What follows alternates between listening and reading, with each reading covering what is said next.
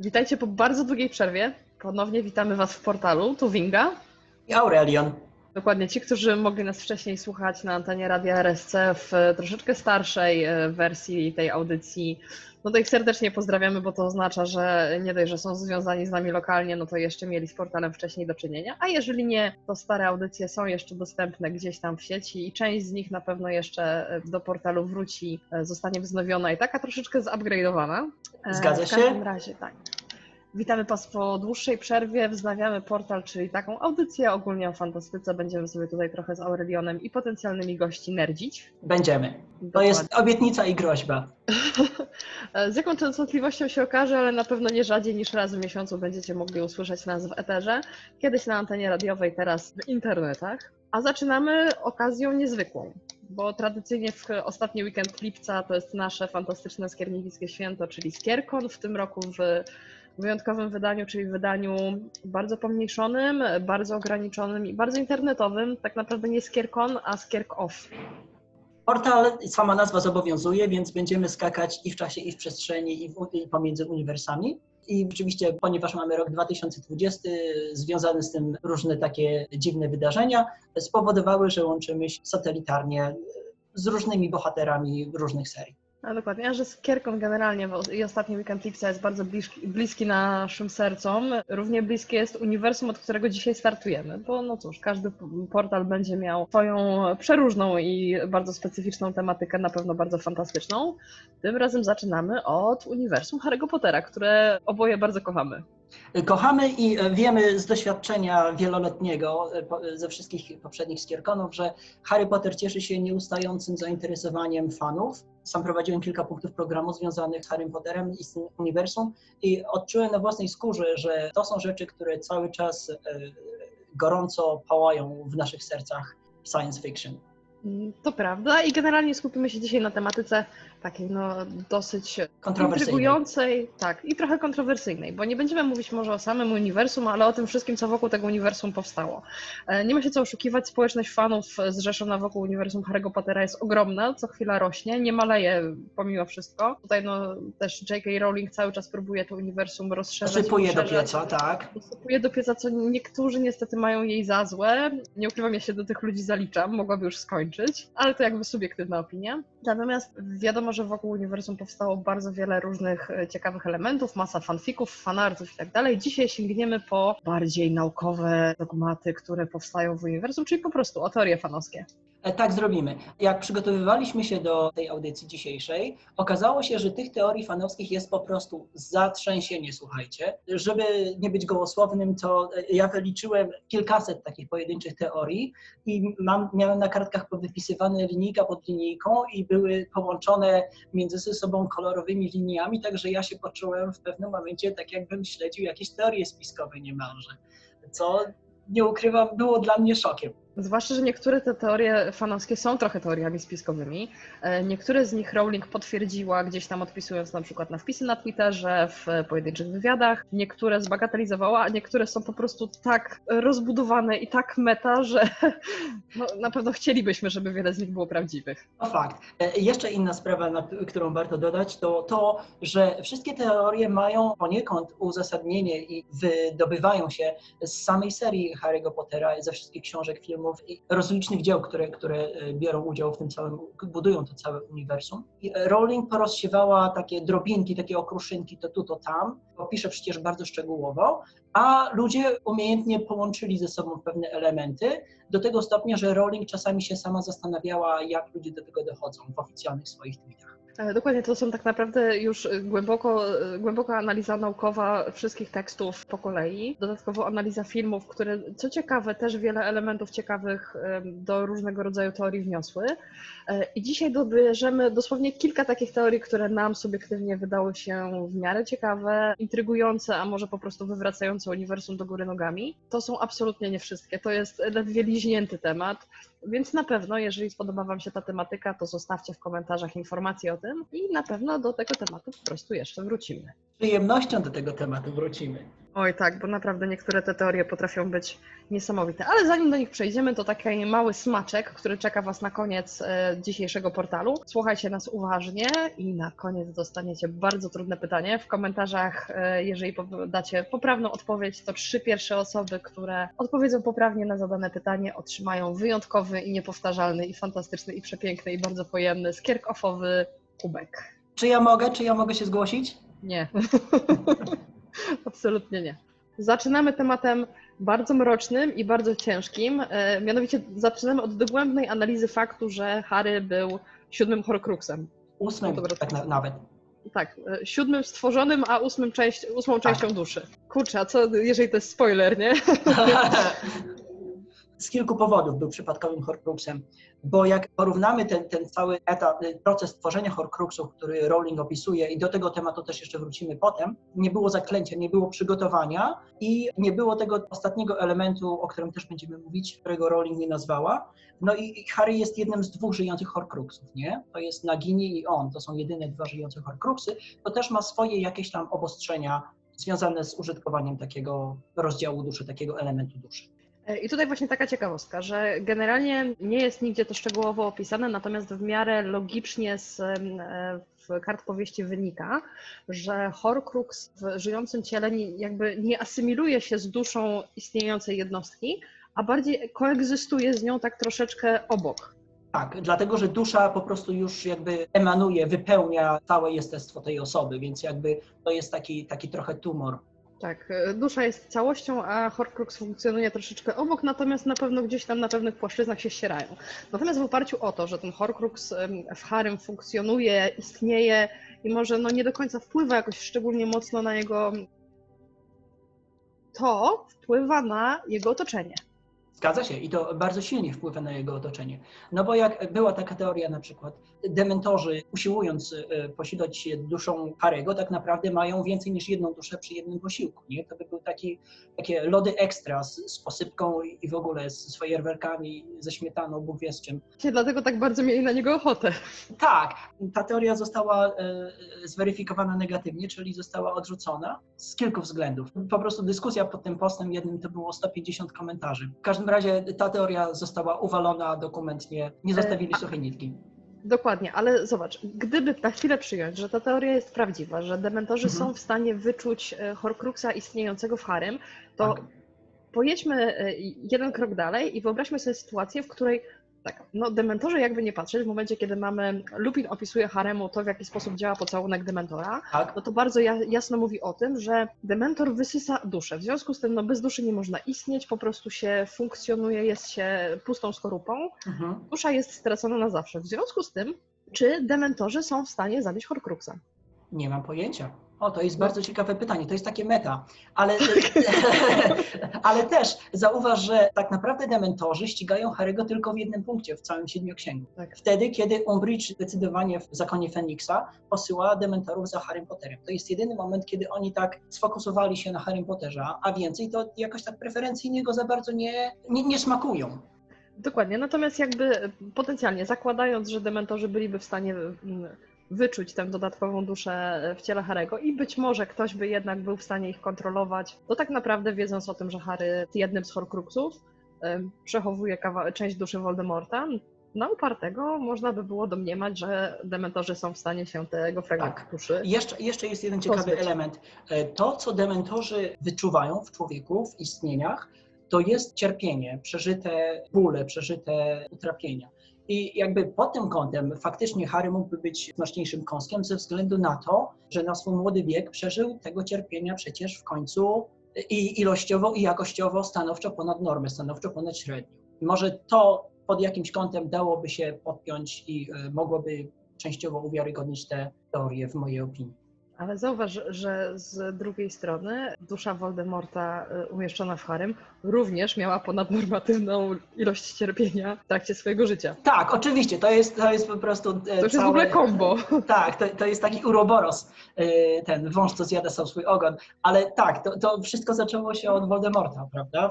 Akurat w tym aspekcie. Natomiast skupiając się na czasach Harego i Harem jako Horcruxie, to tak, to to cierpienie, które w sobie zmagazynował, bo je przeżył, to stanowczo go wynosi. I znowu, Voldemort tylko do tego dokłada i to z grubej rury. No, dokładnie. Natomiast przechodząc krok dalej, kolejna teoria mówi o tym, że nie tylko dementorzy potencjalnie są w stanie wyczuć to, że Harry jest Horcruxem, tudzież może inaczej, nie są w stanie stwierdzić, że jest Horcruxem, natomiast na pewno wyczuwają jakąś dodatkową duszę, która gdzieś tam w nim istnieje.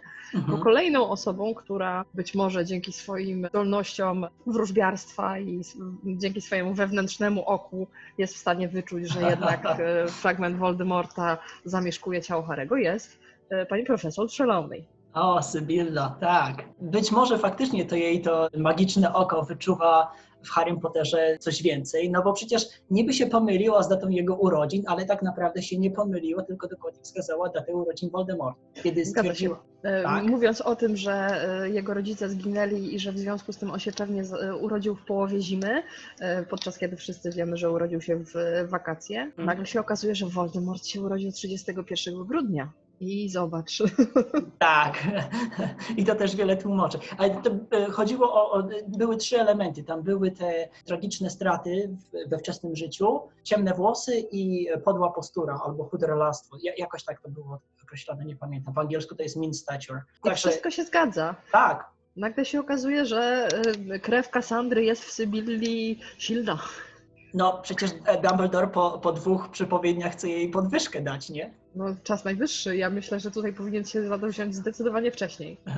tak, ale jak mówimy o ludziach, to, nie- to nie tylko Sybilla Trelawney e, wyczuwa coś, e, coś dodatkowego w Harrym Potterze. Była jeszcze taka teoria, że e, Dursleyowie to nie są e, po prostu źli ludzie, tylko że oni reagują na Horcruxa w taki bardzo negatywny sposób, w taki bardzo przejaskrawiony sposób. No bo jak na przykład weźmiemy pod uwagę to, że nie wiem, taki Ron naraził się na ekspozycję e, wisiora Blacków, no to przez to, że usłyszał o cierpieniach w swojej rodzinie, no to po prostu Horcrux e, są przyciągane do cierpienia, nie? Ta ciemna strona duszy jest przyciągana przez cierpienie, przez przywiązanie. No i to otworzyło jakby furtkę e, do, do duszy Rona, właśnie przez to, że, że był wystawiony na działanie Horcruxa przez długi czas. I być może fakt, że Harry jako Horcrux przez 11 lat mieszkał, tam 9 lat mieszkał u Dursleyów, to też w jakiś sposób wzmocniło te negatywne emocje, y, którymi oni prawda, się odwdzięczali mu potem. E, No właśnie, ale dobrze, że powiedziałeś, że wzmocniło, bo dla mnie ta teoria generalnie nie trzyma się kompletnie kupy z dwóch powodów. E, Po pierwsze, zauważ, że w momencie, kiedy Harry już poszedł do szkoły i praktycznie przez cały rok nie było go, wracał, a oni nadal byli tak samo guburowaci, bucowaci, okrutni. A kolejna kwestia, e, jeżeli faktycznie ta teoria byłaby prawdziwa, to podczas przebywania w Hogwarcie, no to przepraszam bardzo, ale i Ron, i Hermiona zdecydowanie by się w którymś momencie zaczęli zachowywać jak Dursleyowie. Zgadza się.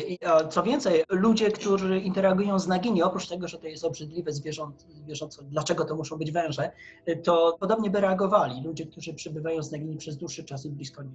Także tak, a jeszcze inna sprawa, że pomijając samą panią Dursley, to te negatywne emocje to dużo bardziej Vernon i Dudley, y, którzy po prostu byli całkowicie na niej, jak chodzi o Harry'ego Pottera, a y, jak chodzi o Petunię, to tam może więzy krwi trochę pomagały, niedużo, ale Vernon, czytałem, to inna teoria, o której nie będzie mówić, był śmiertelnie obrażony na Jamesa Pottera i to się złe emocje potem przyniosły na Harry'ego i tak trwało, prawda, aż do momentu, kiedy się Harry na dobre wyniósł z ich domu. Tak, ale to spokojnie do teorii y, tamtej wrócimy w swoim czasie. W każdym razie tę myślę, że możemy z e, czystym sercem uznać za obaloną. Tak, myślę, że myślę, że się zgadzam się. E, Natomiast jakby najwięcej teorii, które się pojawiło w ogóle wokół całego uniwersum, to są teorie, które tak roboczo trochę e, nazwaliśmy ukrytymi tożsamościami. Tak. E, Czyli wszelkiego rodzaju, kto jest tak naprawdę kim i co ciekawe, to są teorie, które bardzo często wykraczają poza ramy potterowskiego uniwersum. Jedną z nich jest teoria, którą J.K. Rowling sama określiła na Twitterze jako w ogóle jej ulubiona teoria fanowska stworzona właśnie w uniwersum, czyli teoria mówiąca o tym, że Dumbledore jest śmiercią w opowieści o trzech braciach. E, Ci bracia Perewel, którzy uciekli przed śmiercią, najpierw, która to była? To była siódma księga, a potem w opowieściach Barda Bidla, to Antioch, który ma symbolizować symbolizować Voldemorta i jego prawda, pogoń za władzą, pogoń za potęgą, pogoń za mocą, która została uosobiona e, czarną różdżką. Potem Snape, e, który ma być Kadmusem, który tęskni za miłością swojego życia, którą no, wiadomo stracił i chce przywrócić. No, w, te, w tamtej legendzie to przywrócenie do życia na niewiele się zdało. Snape'owi to w ogóle się nie udało. No i w końcu Harry, który ma być Ignotusem, który się ukrywa przed śmiercią przez całe życie pod płaszczem, notabene płaszczem, który dostał już w pierwszej księdze, a potem spotyka się ze śmiercią jak ze starym przyjacielem, tak? W momencie, kiedy umiera. Ale właśnie to może ja za daleko wychodzę. E, No tak, ale właśnie i tutaj pojawia się teoria o tym, że tak naprawdę to Dumbledore jest śmiercią w tej, odpowie- tej opowieści. Wiadomo, że jest to pewna parabola, ale trzeba pamiętać o tym, że tak. Dumbledore po pierwsze brał udział w śmierciach e, uosobień Cadmusa i Antiocha, czyli trochę się przyczynił do śmierci Snape'a i Voldemorta, w sensie Tak, pośrednio, nie bezpośrednio, ale pośrednio tak pociągał odpowiednie nitki. Poza tym to on wręczył Haremu pelerynę niewidkę przewidzianą dla najmłodszego z braci. Mhm. I tak jak Ignotus, Harry na sam koniec podszedł y, sa, sam z chęcią do Dumbledora na platformie 9 i 3 czwarte na, King, na King's Cross Mhm. y, i powitał go jak starego dobrego przyjaciela. Tak. Czyli E, dokładnie tak jak ten- zostało napisane w opowieści o trzech braciach. Tak, ten, ten, ten fakt, że on jakby dobrowolnie zgodził się umrzeć, tak? Czyli de facto oddzielić od tego Horcruxa, który do niego przywarł, to też jest chyba e, ważne, żeby tutaj to podkreślić. To, to też jakby odnajduje odzwierciedlenie w tej legendzie, no i w e, historii Harry'ego Pottera. Generalnie właśnie takich metafor i od- odzwierciedleń, które można znaleźć w samych powieściach jest też sporo, ale to też może kiedy indziej o nich wspomnimy, między innymi to w jaki sposób e, zadania w turnieju trójmagicznym uosabiają inne elementy pojawiające się dalej w filmie. Tak, tak, tak. E, Ale to takich historii jest bardzo dużo. Wracając do ukrytych tożsamości. tak. Moja ulubiona teoria to jest w ogóle przepiękna teoria, która się totalnie składa, idealnie pasuje i jest przepiękna, czyli że George Weasley, po tym jak już Fred nie żyje, używa zmieniacza czasu. Już nie oszukujmy się, że wszystkie zostały zniszczone, bo jak doskonale wiemy z ósmej części, e, wcale wszystkie nie zostały zniszczone, więc kto wie, Aha. pewnie się jakiś jeszcze jeden kolejny znalazł. Podróżuje w czasie wstecz i uwaga, przyjmuje tożsamość kogo, kogo, kogo? Willy Williego Wonki. Wonki. Tak, to jest kapitalna słuchajcie, teoria. wszystko się tam zgadza. Też jest Mhm. rudy, też się strasznie kolorowo ubiera, Tak, e, też ma zamiłowanie do słodyczy i tworzy różne magiczne rzeczy i tak dalej. Wszyscy wiemy, że e, bracia Weasley tworzyli e, bombonierki Lesera, które robiły różne dziwne rzeczy. Kto wie, czy George nie stworzył na przykład Właśnie, słuchaj, Ja- był wyrzucony rozdział książki, której autor Willy'ego Wonki, Ronan Dial, nie umieścił. I cóż nie było. I tam były czekoladki, które pomagały uczniom e, wagarować. No i widzisz, naprawdę tutaj się wszystko zgadza, totalnie. O, jeszcze E. był me melonik w ich sklepie na Pokątnej przecież. E, tak. I teraz zobacz jeszcze kolejną rzecz. W którymś momencie Willy Wonka mówi do Majka, że trochę nie dosłyszy e, na e, ucho i żeby mówić do niego głośniej. Tak, i wskazuje na prawe ucho, które, które przecież George stracił, nie? No przecież dokładnie. A co to jest za problem, że sobie mógł zrobić protezę ucha z u, uszu e, dalekiego zasięgu, No, tak? no nie no, generalnie Żaden dla, problem. dla mnie to jest ukoronowanie tej teorii i ja się absolutnie podpisuję pod tym. Poza tym, w Willy Wonce są umpalumpowie, którzy pracują jako tak trochę, no jego niewolnicy, tak? Elfy domowe, tak. Dokładnie, no jakby nie patrzeć, to są domowe elfy, tylko troszeczkę przerobione e, wizualnie. Mhm. I poczekaj, bo coś jeszcze mi chodziło po głowie, co też się idealnie zgadzało. A, wiem! Bardzo mi się podobała jeszcze teoria, że zauważ, w biurze Uriego Łąki wszystko było podzielone na pół. Wszystkiego była tylko połowa. I bardzo O, mi się podoba nie, nie, taka nie teoria. tego. Bardzo mi się podoba taka teoria, że e, George jako Willy Wonka w ten sposób pokazuje, że od momentu, kiedy stracił Freda, czuje się tylko połową samego siebie. Mhm. I w związku z tym szuka tak naprawdę nie dziedzica swojego imperium słodkości, tylko szuka kogoś, kto mu zastąpi Freda. I to mnie po prostu rozłożyło na łopatki takim No. głębokim wzruszeniem, bo nagle Tak. dla mnie postać Williego Łąki dostała tak niesamowitej głębi. Mhm. Cudowna rzecz. Kapitalnie. Te, tego nie strzałem, ale no rzeczywiście to robi sens, nie? Kurde, kto by pomyślał, że J.K. Rowling umie podróżować w czasie, ale o tym też za chwilę. Tak, ona to w ogóle umie robić bardzo różne inne dziwne rzeczy. Ale jak już jesteśmy tak trochę przy bardziej weselszych tematach, e, to jeszcze teoria taka już bardziej małżeńska i romantyczna. O, tak, jasne, to już wiem o czym mówisz. Mówisz mianowicie o tym, że ludzie podejrzewają, że pani Norris jest żoną Argusa Filcza. Tak, dokładnie. Tak, no Przecież tak. umówmy się, tak silny związek z kotem to nie może być związek ze zwykłym kotem.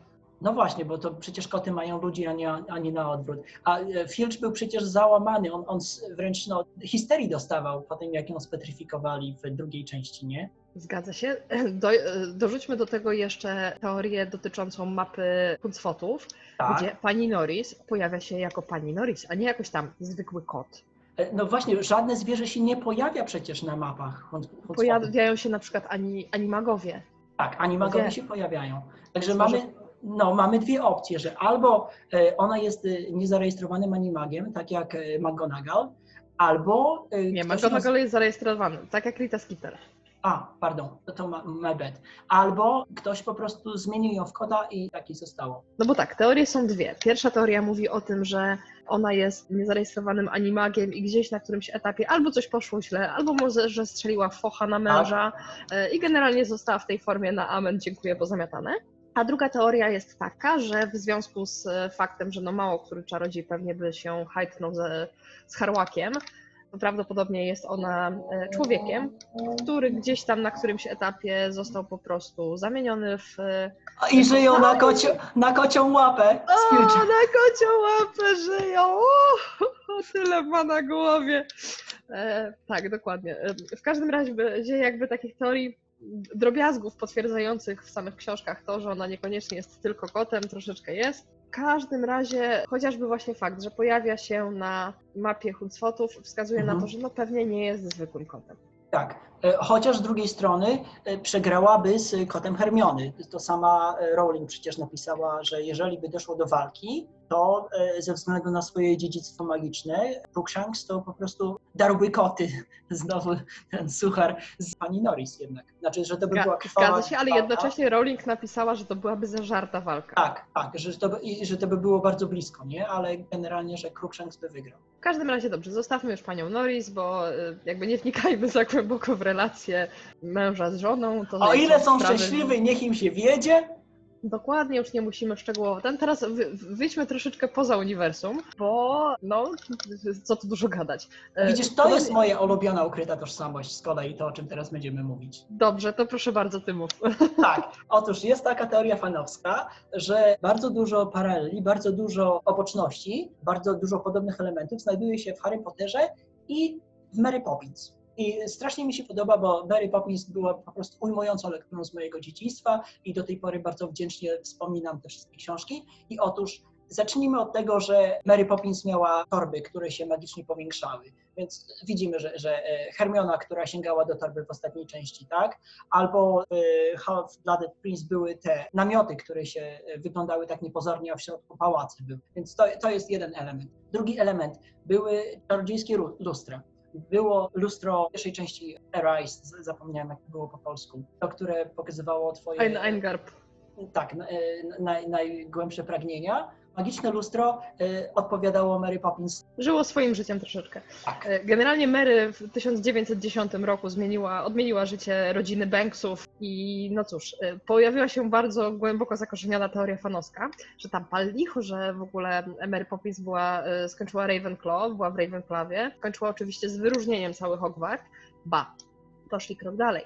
Ona została zatrudniona w Ministerstwie Magii i A, dostała tak, specjalne zadanie dotyczące tego, żeby właśnie wyszukiwać czarodziejów ukrytych w mugolskich rodzinach i od samego początku już ich przyzwyczajać do tego, że środowisko czarodziejów jest ukryte, żyje w tajemnicy, że Mhm. jakiekolwiek takie przejawy magiczne wśród Mugoli mają w ogóle zostać ukryte. Tak. Więc w momencie, kiedy ląduje w rodzinie Banksów i zaczyna tam robić jakieś szmery, bajery, cudawianki, zabierać dzieciaki na różne wycieczki, e, to później uczy ich, że absolutnie to się nie wydarzyło, nikomu o tym nie mówimy, rodzice o tym nie wiedzą, żadni znajomi, nikt o tym nie wie, ba, sama temu sobie potem za- zaprzeczała. E, W związku z tym w ten sposób pokazywała e, dzieciakom, że to środowisko nie istnieje. Mhm. To jest ściśle tajne przez poufne. Nas nie ma, o tym się nie mówi. Tak, a faktycznie to, to też mi gdzieś tam przemknęło, a ba- bardziej się skupiłem na tych paralelach, bo po prostu tych jest dużo więcej i są bardzo wyraźne, ale to wszystko, co mówisz, to też zostało ujęte przez e, no, dociekliwych fanów. No bo tak, Tak. mamy, Co ciekawe, prześledzili dalej jej życiorys, bo dlaczego tak wybitna osobowość jak Mary Poppins nie została wspomniana w książce, nawet jak jest opisywane e, jacyś tam, nie wiem, e, znani byli uczniowie Hogwartu. E, to jest powiedziane, że ona po prostu zginęła podczas pierwszej wojny z Voldemortem, który zamordował ją właśnie ze względu na to, że była tak blisko związana ze środowiskiem Mogoli. No, no i pięknie się wszystko łączy ze sobą, nie? Mamy cudowną klamrę, wszystko się zgadza. Tak. A swoją drogą fakt, że pisarze również fantazy tak dużo pożyczają od siebie, y, wręcz plagiatują, jest niczym nowym, no bo nawet w 2018 roku na konkursie literackim bodaj w Düsseldorfie jakaś osiemnastolatka wygrała cały ten konkurs literacki, normalnie plagiatując całe strony i tylko przeszywając po, pojedyncze zdania y, w kolejności. Także nie dziwię się, że ludzie zapożyczają od siebie, tak jak na przykład przenika się świat y, Willy Wonki i, i Harry'ego Pottera, tak wiadomo, że elementy Mary Poppins mogą się również pojawiać tutaj też. Ale właśnie bardzo mi się podoba, że nikt tego tutaj nie odbiera w ogóle kompletnie jako plagiat, tylko ludzie y, rozbudowują taki... już istniejące uniwersum o elementy, które tak im się podobają, że uważają, że powinny być y, no, wspólne dla tego jednego wielkiego świata. No, może to jest element takich e, mitów w literaturze albo mitów w historii ludzkości e, z monomitem na czele, ale to też jest temat na inny portal. E, tak, Dobra. A może, to, a, a może, to, w ogóle wszystko jest prawda? Tak.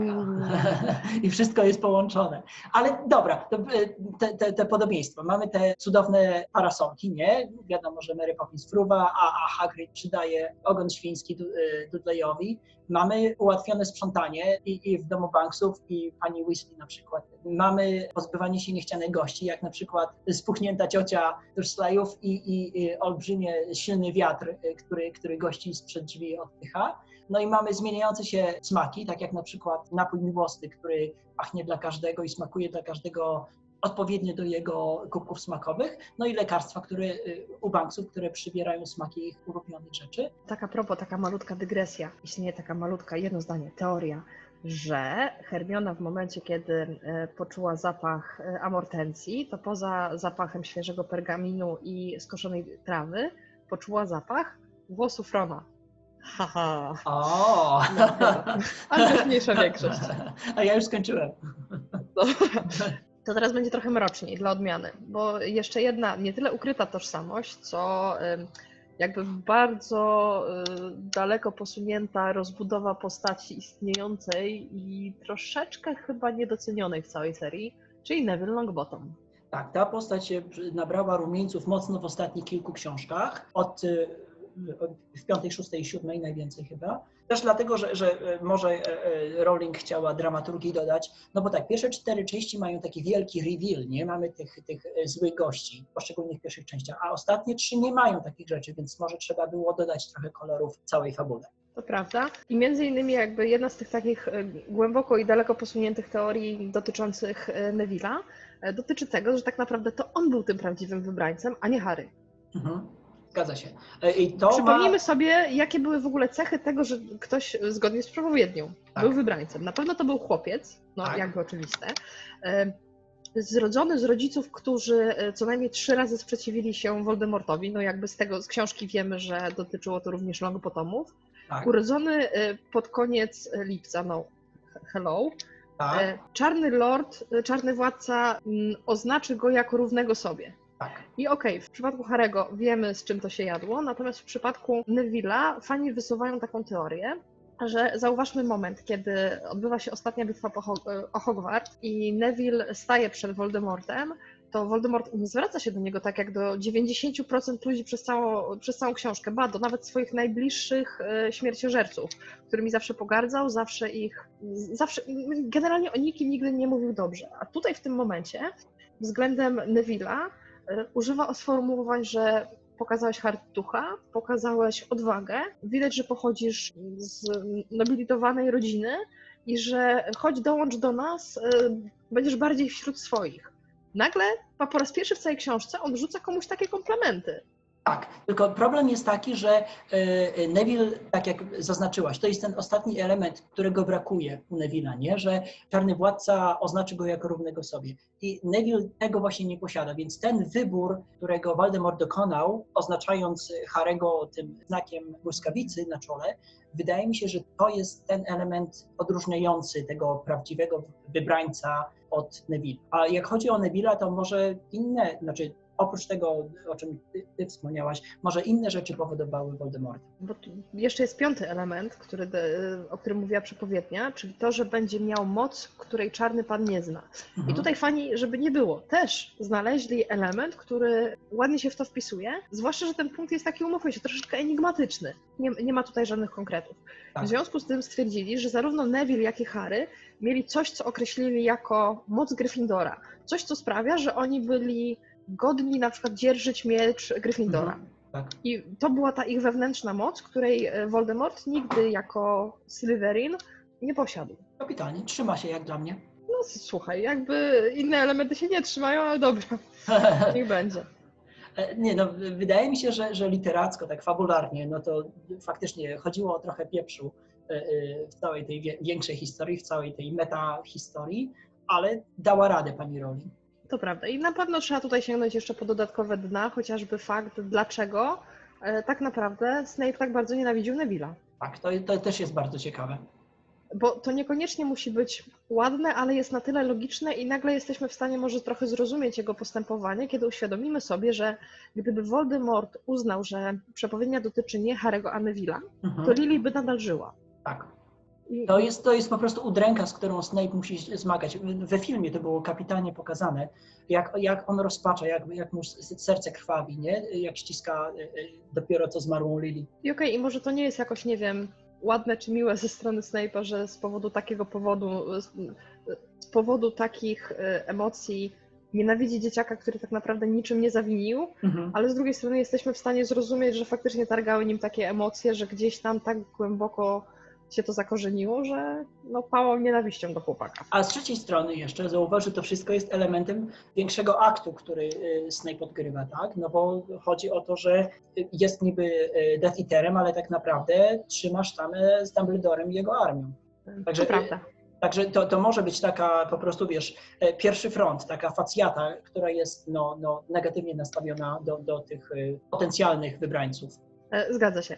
E, Zwłaszcza, że jeszcze weźmy poprawkę na to, że Neville dobrym uczniem nie był i u Snape'a na lekcjach zdecydowanie jakimiś Tak. szczególnymi zdolnościami Tak, się a nie wykazywał. Snape, Snape lubił tych takich, no, co żwawszych, co, co inteligentniejszych. I faktycznie, ja- jako nauczyciel mógł, znaczy nie był dobrym nauczycielem, od tego wyjdźmy, tak? Bo nie miał cierpliwości do, do, do, do niezgół. A jak chodzi o, o alchemię i takie różne cuda, no to tam po prostu jeden ruch różdżką i wszystko kaputnie. Kilka tygodni pracy się idzie, no, e, do kosza. Także w tym przypadku to sympatyzuję ze Snape'em, no, sorry. Dokładnie, ale dotknąłeś newralgicznego tematu pod tytułem Jeden ruch różdżką. Tak, I w przypadku Neville'a, no umówmy się, bardzo jasno i wyraźnie widać i te, akurat tutaj jestem pewna, że te teorie bardzo łatwo jesteśmy w stanie potwierdzić, że Neville był kiepskim czarodziejem tak naprawdę do, no przez pierwszych pięć tomów to bezwzględnie, w szóstym nagle się zaczyna robić coraz lepszym, głównie dlatego, że zobacz, na końcu piątej części, w momencie kiedy trwa walka w ministerstwie w Departamencie Ta- Tajemnic, zostaje złamana jego różdżka, o Tak. której on mówi... i nos. I nos przy okazji, zgadza się, o której sam wtedy mówi, że o kurczę, babcia mnie zabije, to była różdżka mojego taty. Tak. E, I to jest właśnie ten element tego, tego różdżkarstwa, który jakby jest niekanoniczny zupełnie, jak chodzi o J.K. Rowling. Mianowicie ten fakt, który już w pierwszym tomie podnosi, że różdżka wybiera czarodzieja. W tym wypadku Neville postąpił kompletnie odwrotnie. I to być może po tym incydencie, jak e, różdżka go normalnie wybrała, tak jak no, prawilnie wybrała w sklepie, zauważ, jak on szybko robi postępy. Tak nagle się okazuje, że on wcale nie jest jakimś strasznie lewym czarodziejem, wręcz przeciwnie. E, Poza cechami, przy, przymiotami umysłu y, i no, cechami takimi emocjonalnymi, które faktycznie gdzieś tam się u niego bardzo szybko rozwinęły, to nagle się okazuje, że e, radzi sobie coraz lepiej w poszczególnych przedmiotach. No dobra, poza eliksirami, ale to kwestia Snape'a, wracamy do tematu. Natomiast e, faktycznie e, zaczyna się wyrabiać. I teraz Mhm. pytanie, no jakby nie patrzeć, no, że- żeby jego babcia nie wiedziała, że to różdżka wybiera czarodzieja, że dała mu różdżkę swojego ojca, myśląc, że co, ta magicznie się z nim złączy? Ja to bym zrzucił na kanwę tego, że po prostu tych detali wszystkich, e, z których, z których Rowling usiłowała tę piramidę zbudować było za dużo i znowu to był jeden z tych takich smaczków, który po prostu gdzieś tam ich uciekł w którymś momencie. Tak, no i pewnie się nie spodziewała, że ktokolwiek kiedykolwiek będzie te książki Wyciągnie. analizował aż tak dokładnie. Tak. E, Właśnie, jak mówimy o różdżkach, to chcesz przedstawić pytanie konkursowe? Tak, może ty przedstawisz pytanie konkursowe, bo ty je wymyśliłeś. Uwaga, Aha. ostrzegam was, będzie bardzo trudne, bo to jest Aurelion, więc będzie w ogóle naukowo.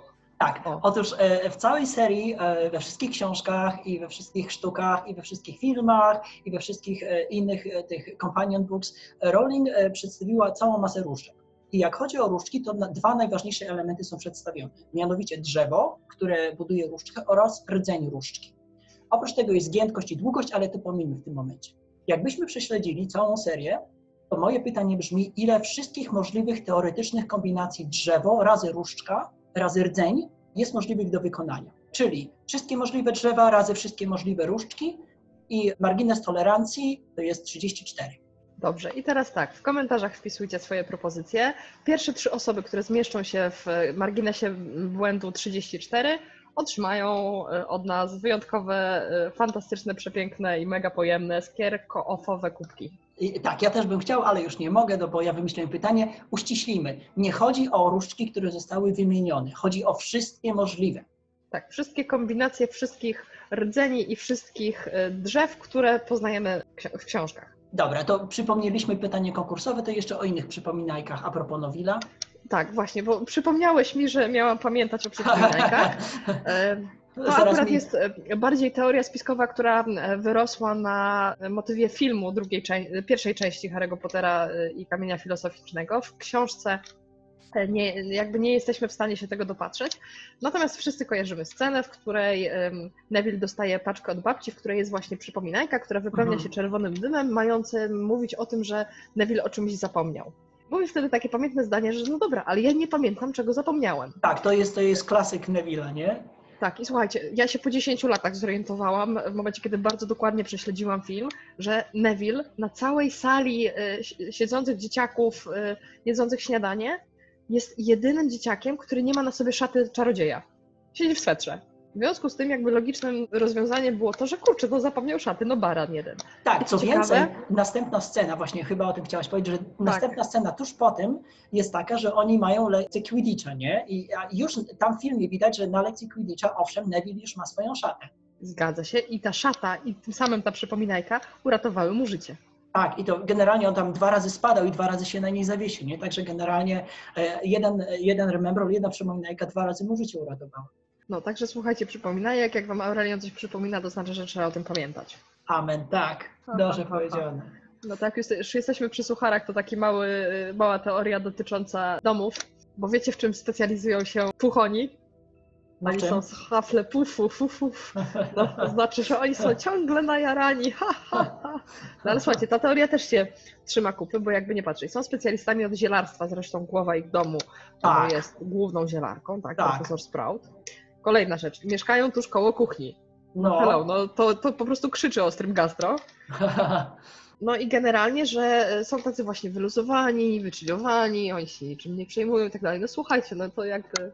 Tak, ale ta historia, ta historia sięga nawet do e, założycieli domów, no bo przecież mamy Gryffindor, tak, z tym, z odwagą, z, z gryfami i w ogóle z takimi róż, różnymi rzeczami, którzy brali tych odważnych, tych zacnych i w ogóle takich o. Slytherini z wężem, przebiegłością, z, z, z podstępem, z knowaniem, ze sprytem, którzy też właśnie takich brali, którzy tam, prawda, po kątach e, w ciemności nocy. Potem mieliśmy tych e, Ravenclawów z pomyślunkiem, z inteligencją, z umiejętnościami, e, z symbolem mądrego kruka, tak? No i generalnie mamy ten Honey Badger, nie? Well, Honey Badger doesn't give a fuck, ale, ale generalnie Hufflepuff brał wszystkich pozostałych. Oni tam nie przebierali. Także, tak nie wiecie, totalny luz. Kto chciał, niech przychodzi. Tak, więc takie totalne y, życie na chillaucie. O, je, jeszcze duchy były domowe, nie? Mamy e, Nearly Headlessnika, mamy Szarą Barona, Helenę Ravenclaw, Tak, i mamy Grubego Mnicha. Grubego Mnicha. Tak, jakby mówię, tu się wszystko trzyma kupy, no. Dobra, ale dobra, wracajmy do naszych teorii spiskowych, wracamy do teorii fanowskich, bo tam e, no troszeczkę już gadamy, więc czas nam się powoli zaczyna kończyć. Tak.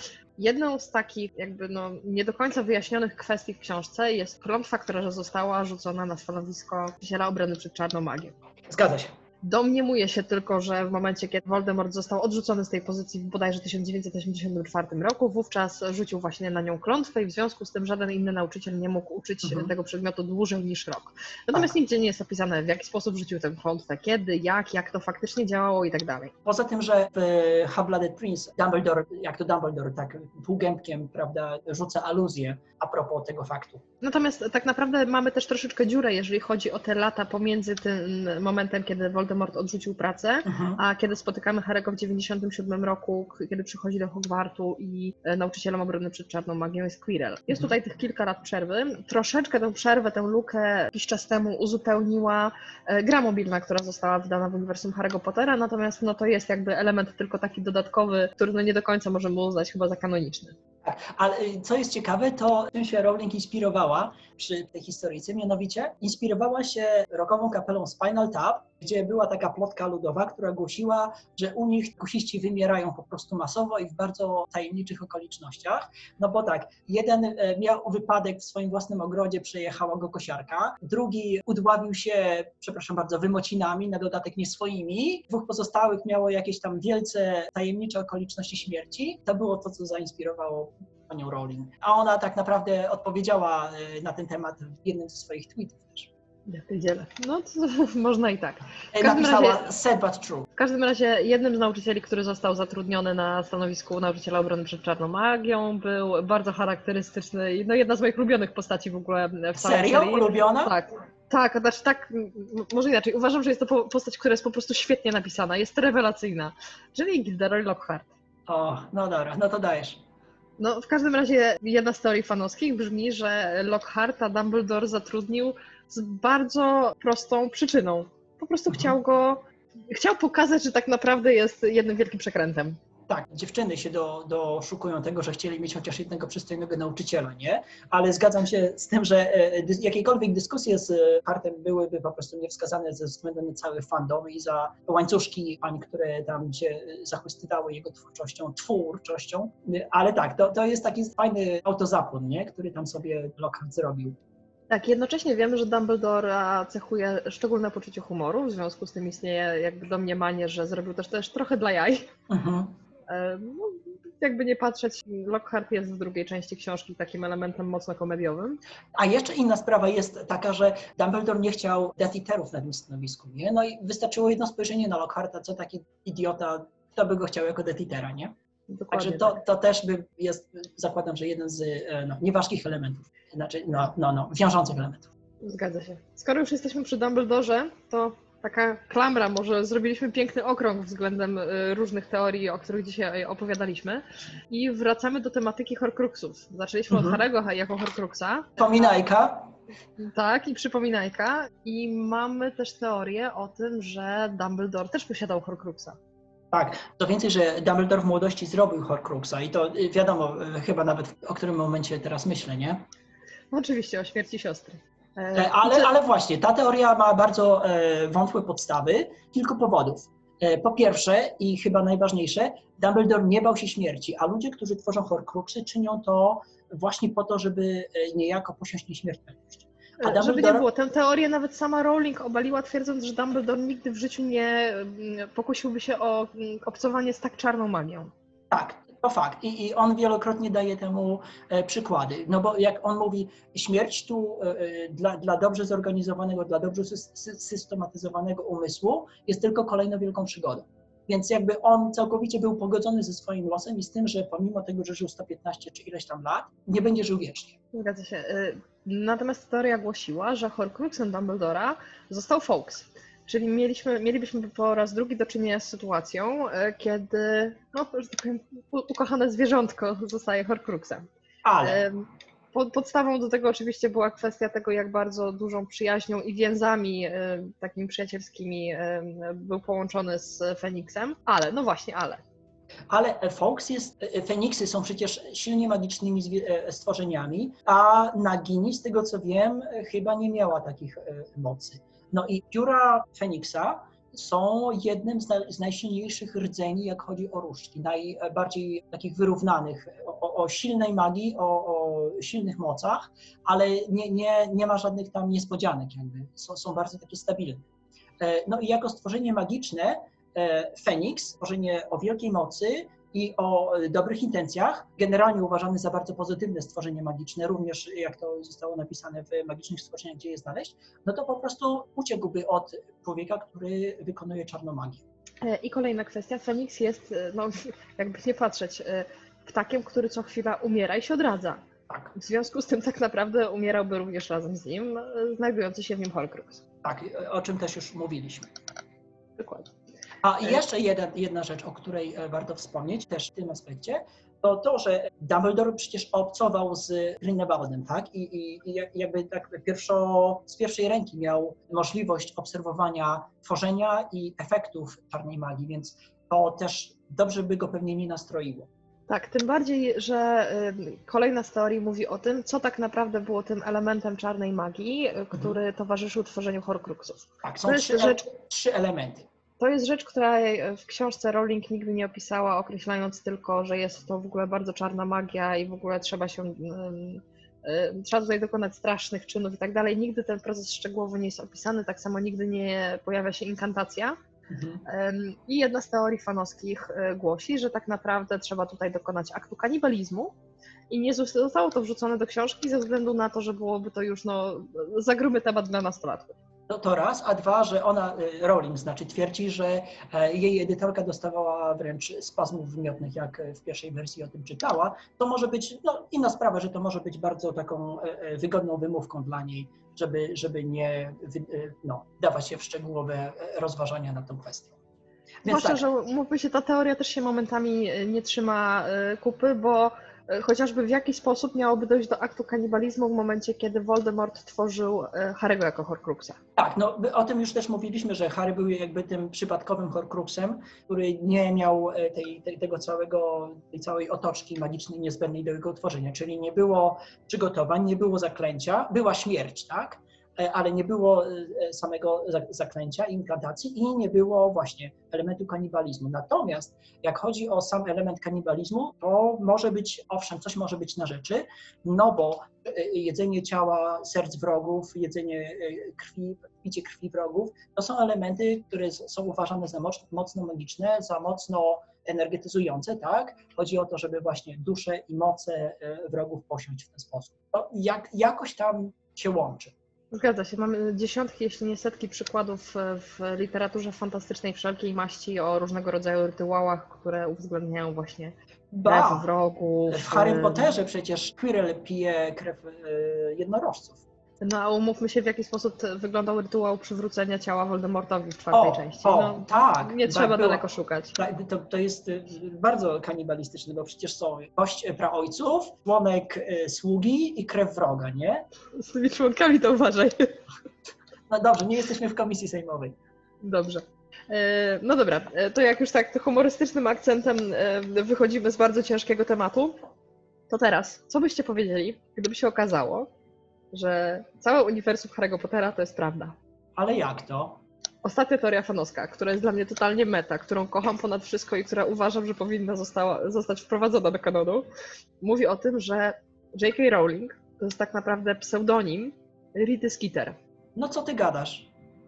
Że Rita Skeeter jest prawdziwa, że Rita Skeeter, y, która została odrzucona przez społeczność magów, bo generalnie w ogóle mieli jej dość i ona jest ciężkim charakterem, stwierdziła, że się zemści i że napisze dokładnie y, całą historię świata czarodziejów, opisze ją z najdrobniejszymi szczegółami. Zrobiła to, a potem w ogóle stwierdzi, że nie, to jest fantastyka. O, to ja, to ja bym chciał, żeby to była prawda. Ale tak, i co najlepsze, społeczność czarodziejów nie może na to zareagować, bo wtedy by wyszło na jaw, że, że istnieją. No, a kurde, no, kapitalna Więc teoria. tutaj nie masz, do, nie masz dowodów na to, że ta teoria jest nieprawdziwa. Tak, no w którą stronę by się nie obrócić, to no, no, nie da się ugryźć, nie? Nie da się absolutnie. W związku z tym myślę, że to jest ten moment, kiedy musimy przyjąć, że czarodzieje istnieją naprawdę. J.K. Rowling to Rita Skeeter i generalnie... Oczekujemy na sobie z Hogwartu. No ja na swoją czekam już nie powiem ile lat. No. Zaczynam tracić nadzieję. To co, dziękujemy za pierwszy portal powracający i e, czekamy na sugestie tematów, tego co Was jara i co z pewnością nas też będzie e, jarało pozytywnie w e, twórczości sci-fi. Kilka pomysłów dla Was już mamy, natomiast e, jeżeli macie coś do, do zasugerowania, to zostawiajcie informacje w komentarzach i w komentarzach przede wszystkim czekamy na Wasze odpowiedzi na pytania konkursowe.